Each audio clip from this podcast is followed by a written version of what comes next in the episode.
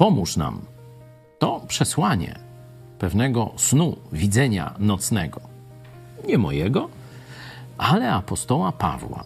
Apostoł Paweł, możemy o tym przeczytać w XVI rozdziale dziejów apostolskich, kiedy zastanawiał się, gdzie ma kierować kroki swojego zespołu misyjnego, czyli gdzie głosić Ewangelię o darmowym zbawieniu tylko w Jezusie Chrystusie, tylko przez zaufanie Mu, tylko z łaski Boga, nie z naszych zasług, sakramentów, kościelnej przynależności itd., tak itd., tak zastanawia się i nie wie i wtedy ma nocne widzenie, prawdopodobnie sen, gdzie widzi Macedończyka. On znajduje się na terenie dzisiejszej Turcji.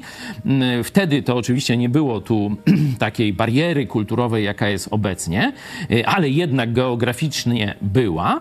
Y, I śni mu się pewien Macedończyk, czyli już pierwszy przedstawiciel Europy, i właśnie woła: Pomóż nam, pomóż nam. Zobaczcie, że ten Macedończyk nie woła pomóż mi, ale mówi nam, czyli narodowi macedońskiemu. Jak więc w ten sposób, dzięki temu możemy spojrzeć na Ewangelię, na głoszenie Ewangelii?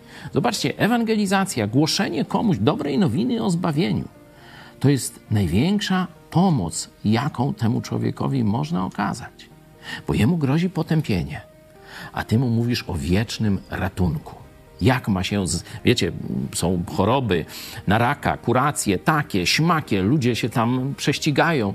Tu mamy wieść o ratunku od wiecznego piekła. Największa, najważniejsza wiadomość dla każdego człowieka w, całym, w całej historii. Ale zwróćcie uwagę, że on mówi w liczbie mnogiej: pomóżcie nam.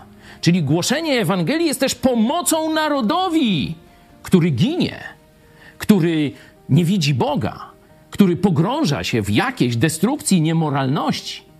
Spójrzcie w ten sposób na to, co my dziś robimy w Polsce. To jest ratunek, ogromna pomoc dla narodu polskiego.